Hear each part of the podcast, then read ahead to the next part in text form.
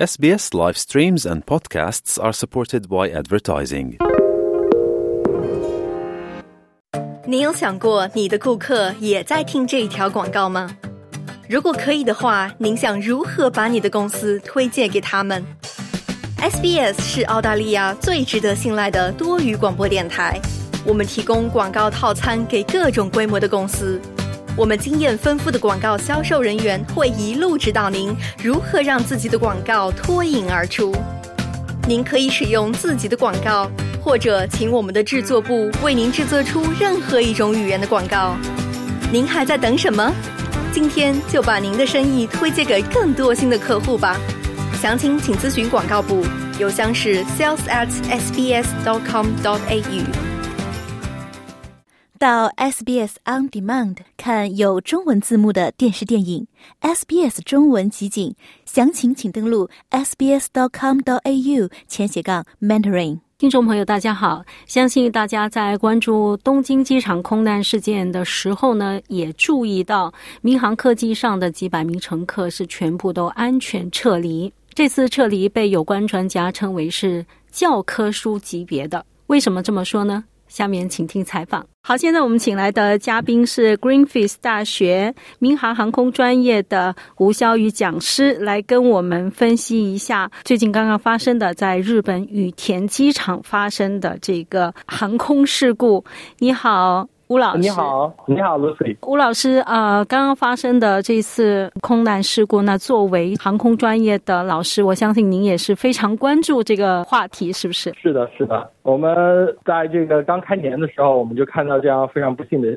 新闻，但是不幸中呢，我们可以看到关于整个事故中在安全撤离和的表现上面，日航做的和非常的好。对，其实这个飞机在设计和我们在说有一个叫做适航认证，就是这个飞机在投入运行之前要经过一系列的测试，其中有项很重要的测试呢，就是飞机上的人员要必须在九十秒的时间内能够撤离这个飞机。那你看，像这架飞机是 A 三五零，是空客公司的新的这个呃复合材料的一个新型的较新的一个机型，然后这架飞机也非常大，它坐了三百多个人，然后呢三百多号人能够在。九十秒的时间内完全的撤离一架这个飞机，我想您也坐过飞机，这个飞机上的走道现在的走道也变得越来越窄了，然后然后呃坐的人也非常的多，然后他能在这么短的时间内让三百个人这个呃离开这个即将燃烧的飞机，这是非常了不起的一个事情，而且也有视频传出来，对于我们来看的话，我们说呃这件事情在某某些程度上也可能是真的是发生在日本。因为他们太是某种程度上可能是非常的守规矩，在这种环境下面，我们有这些现在有视频看到客舱里面的情况，就所有的这些人都能够很安静的坐在座位上面，可以看出他们非常焦急，但他们依然可以非常。遵守空乘人员的这个指令，让他们不要移动的时候，他就能够安安静静的坐在座位上面，直到这个空乘发出了这样的指令之后，他们才开始进行一个撤离。我觉得这是非常了不起的，因为，呃，在大部分情况下面，当你看见这个飞机在外面已经在燃烧，然后你坐在里面，然后你看见这个能见度开始有一些烟雾的时候，我觉得能做到他们那样，能够依然非常镇静，或者不能说镇静了，就是能坐在这个座位上面等待通知。这是非常了不起，不添乱，一点不添乱。对对，嗯，对。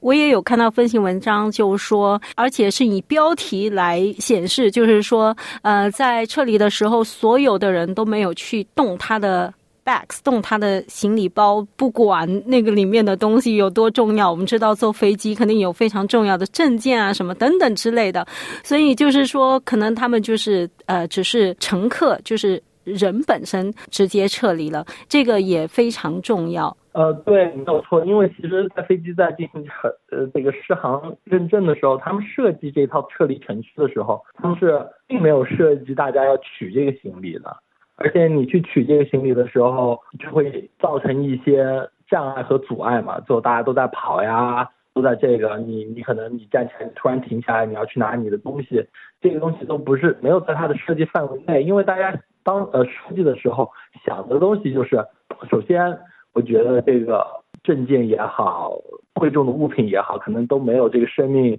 价值更高吧。最重要的事情就是人离开那儿。其次呢，就是包括飞机上这些充气滑梯，如果你带一些这个行李的话，有些行李是会把那个充气滑梯刺破，然后导致这个滑梯无法使用，那就会延缓这个撤离的速度。这这这也是嗯撤离的时候不能带行李的一个很重要的考量因素。我那天还和我太太说，我说哎呀，我们的律师坐在这飞机上发生这样的情况，然后一想，博士论文还在这个或者重要的论文还在这飞机上面，我们会怎么办？会不会还是想去拿它？然后最后想了一下，最后还是不要拿。结论就是现在都有云存储了，最好把一些重要的文件什么都存在这个云上。看来每个人呃看到这样的情况之后，都会自己代入一下，想一下呃自己就是可能会产生什么样的反应，或者采取什么样的行动。前几年好像美国也发生过一次这样呃不不是这种跑道入侵导致飞机起火的事情。然后确实还会有乘客去提着行李然后撤离，在其他国家这种最后撤离的时候，还是舍不得身外之物的事情，嗯，也不少见。但是这一次真的是所有的人能够做到这样，真的是某种程度上他们训练有素，对。这呃，我还想问您一个问题，就是最近呢，在有一个呃安全和产品评级的网站，是把这个新西兰的航空公司选为全球最安全的航空公司。我不知道您有没有注意到这样的一个新闻？每年这些网站都会评，总的因为呃都会说啊，某家公司从它的这个呃历史的角度上面来说，或者什么样来说呢，是非常安安全的。呃，但是我们认为，总的来说，飞行是非常安全的一件事情。其实，大部分能够运行的航空公司都是呢接受过了呃民航局安全认证的，它才能够呃进行一个运营。无论是国内的航空公司，比如像是到澳大利亚 Qantas、呃 Virgin。这些航空公司，他们飞国内线是需要经过认证，他们的运行运营是一定要经过呃符合合规的。那么哪怕是外国的航空公司，比如像是呃中国东方航空公司啊，或者是美国的达美航空公司啊，飞到澳大利亚，他们的这条航线的运营也要接受到澳大利亚的监管，也是要符合澳大利亚的这个安全规定的。那在从这种方面来说呢，实际上大部分公司呃差异并不会特别的大。如果是发现这个政府的职能部门在发现审核的时候，航空公司的运行是有问题的话，他们有些时候是可以拒绝航空公司开设航线，然后到本国的。呃，还有很多年以前啊，这很多很多年以前了。嗯，国际民航组织是也会进行定期的这个安全的这个审查和认定。它但是它是以国家来看，是你国家的这个民航局对你这个航空公司的监管是一个什么样的程度？很多很多年以前啊，这个民航局出过啊不是国际民航组织说这个泰国啊，然后他们这个监管不力，然后呢把他们放上了一个观察名单，然后呢实际上他们是有这个观察名单的。嗯。那这个国家的航空所有的航空公司飞出去的时候，比如说要去欧洲或者什么样，他们就会受到限制。然后欧洲的这个民航局他们也会有一个。这个名单说哪些公司其实它不安，就是不符合欧洲的这个监管要求。那么这种情况下呢，他们是有可能是哦不会让这些公司飞飞到欧洲，然后呢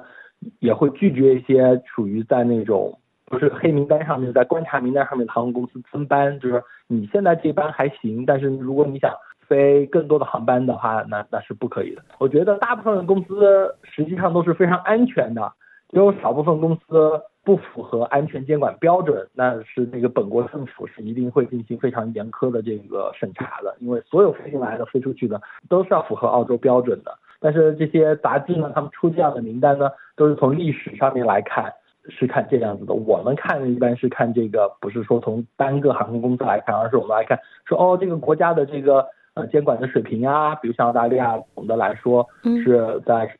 世界上面它的。规章制度和这个监管的水平是世界顶级的，所以澳洲航空公司，包括像新呃或者说是像澳洲的航空公司都是非常安全的。对，好的。不过我们有一句话就是说不怕一万，只怕万一。所以呢，我们作为乘客自己也是还是要多听听在起飞之前的一些安全提示，并且呢要严格的去遵从它哈。对。嗯，那今天我们也非常感谢来自 Greenfield 大学航空专业的吴潇宇讲师跟我们做的分享，谢谢你。啊，谢谢谢谢 Lucy，谢谢。想在 SBS 当一回影评人吗？SBS On Demand 正在推送配有中文字幕的热门影视作品。您只需观看一部或以上影视作品，并把影评观后感发给我们，就有机会赢得一份 SBS 精美礼品。